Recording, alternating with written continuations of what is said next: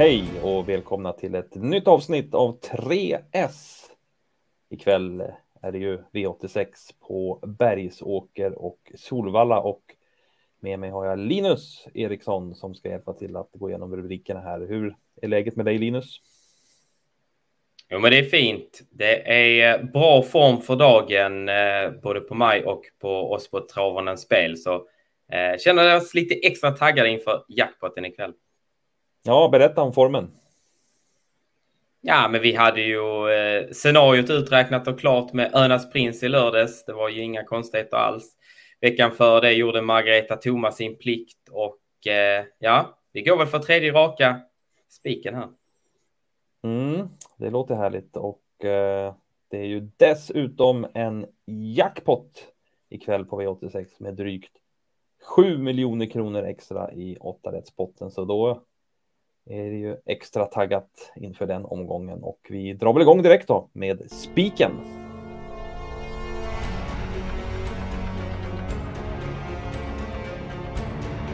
Ja, då är det dags för spiken och vi landar på Solvalla och på Solvalla är ju faktiskt samtliga fyra V86-avdelningarna sådana här Margareta tidiga unga serien med 300 000 kronor i första pris och det är ju då i ett av dessa lopp vi har spiken. Ja, V86 8 ska vi gå till. Och eh, vem är det vi spikar? Vi gör en favorit i repris och går på en, eh, ett sto i avslutningen, precis som förra onsdagen.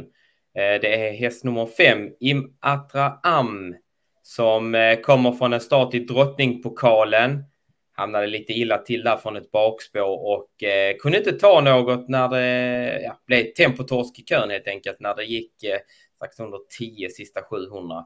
Eh, var väl en sån där insats som var, den var bra, men det var kanske inte toppbra. Men eh, nu har hon tre lopp i kroppen.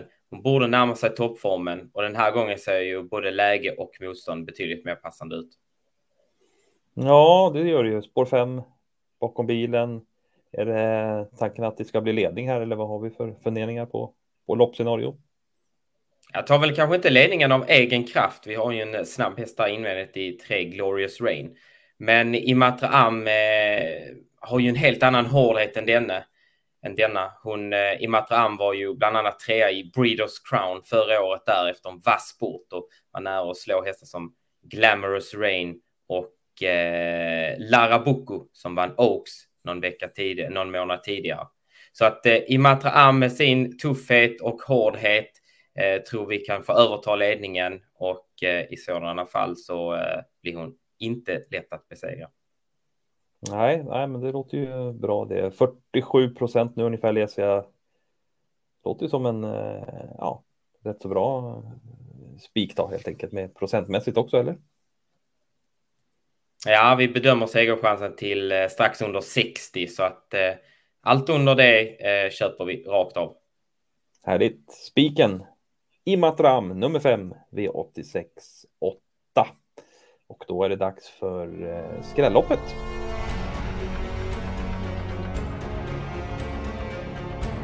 Vi fortsätter eh, resan på Solvalla här när vi letar skrällopp och vi landar i V86 4 och eh, ja, Linus, eh, här ska det skrälla alltså. Berätta. Ja, vi går då till treåringarna. Vi är fortfarande på Margaretas tidiga ungeserie. Ehm, tre år som sagt. Det är vissa, många hästar här som inte har gjort särskilt många starter.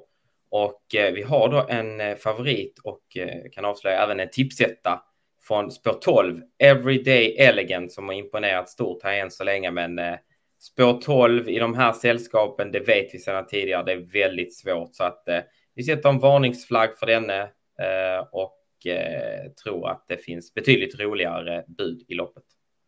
Mm, ja, det gör det ju. Och eh, någon speciell som ska lyftas fram i det här loppet då?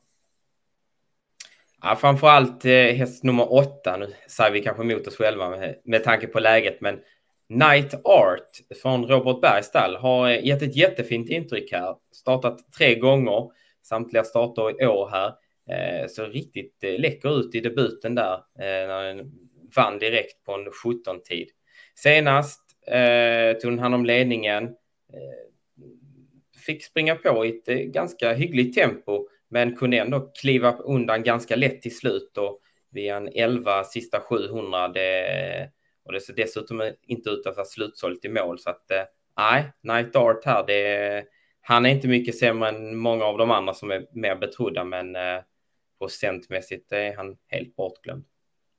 Mm, ja, du sa ju det om, om lägena där också, men det blir väl lite skillnad också när man har en från dåligt läge på 5 procent och en som är favorit på eh, typ 30-35 procent. Så, så då, eh, man kan ju inte få allt från på, på en skräll så att säga, även om den då har dåligt läge där i Night Art, eller hur? Nej, precis. Det är ju det. Hade han varit eh, streckat på som vi bedömer det 16-17 procent där omkring, då hade man kanske inte tyckt att han var lika rolig att lyfta upp. Men eh, när han är streckat till de här låga procenten, då, då kan vi ta att han har spår 8. Men eh, ja, som du säger där, det är ju treåringar och ser väl rätt så öppet ut ändå, så det kanske är värt att man ska sträcka på det här loppet. Ja men verkligen att eh, även om eh, det är någon, några hästar som sticker ut och spelarna är väl hyggligt rätt ute på det i att det är hästarna 4, 5 och, och 12 som är kanske eh, de bästa så eller som har visat bäst hittills så, så svänger det väldigt fort och vi kan ju ta en sådan som den eh, som häst nummer 11 Friend of Elves var ju eh, har ju faktiskt sett jättefina på sistone. Stod för en stark sport senast bakom Coca Holy som troligtvis hade varit eh, klar favorit i det här loppet. Eh, låg procent på denne. Dåligt spår även där, men eh, ja, lite, lite, lite snabbare utveckling på den från en start till en annan och, och ett bra lopp så, så kan också en sådan häst sitta där.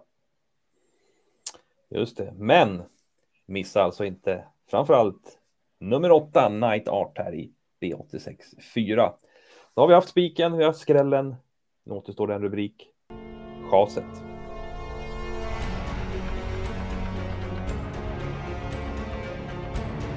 Ja, då ska vi chasa en häst som har blivit för hårt betrodd i omgången för vår smak. Vi landar i V865. Det är ett storlopp. 1640 meter, ett sprinterlopp alltså. Och eh, ja, ser en klar favorit i 13 Santigriff så det är helt enkelt den som ska chasas bort. Ja, ni glömde säga det. Det är ju två volter så att Santi Grif står ju på 1660, det vill säga 20 meter efter dem på start. Och det är alltid lurigt med de här uppgifterna, framförallt nu när det blir eh, varmare väder och snabba banor. Att, ja, vi, vi kan väl hålla med om att Santi Grif har en annan hårdhet och eh, kapacitet än många av dem där framme, men Ja, det tycker det ser ut att vara en väldigt klurig uppgift här. Santigriff är ingen häst man bara skickar iväg från start. Det är många där framför. De är ju hela 11 stycken på startvolten. Kan lätt sitta lite sämre till här. Ska tävla med skor ikväll, vilket har satt ner henne förut. Och eh, räcker att man kör lite för sent så, så är man helt chanslös. Att, ja, den här favoriten har vi väldigt svårt att köpa. Mm. Nej, det, så är det ju. Och eh, hur ser vi på loppet annars då? Vem, eh, är det några hästar där framme som ska räknas i första hand och spets, spetsbud och så? Vem är spetsbudet? Ja, vi tror att eh, sex Sara KME är den som är kvickast ut från sitt springspår. Den här hästen är inte alls tokig när hon får det att fungera och även om hon galopperade där kort efter start i årsdebuten så, så, fick hon, eh, så fick hon sig ändå en hygglig genomkörare. Skulle hon då eh, ha gått framåt med det och närma sig formen lite och som du säger spetsläge på det, eh, ja, då tror vi att hon kan bli svårfångad. Men det är samtidigt ingen vi vill hålla i handen och vi kommer troligtvis måla på här en hel del.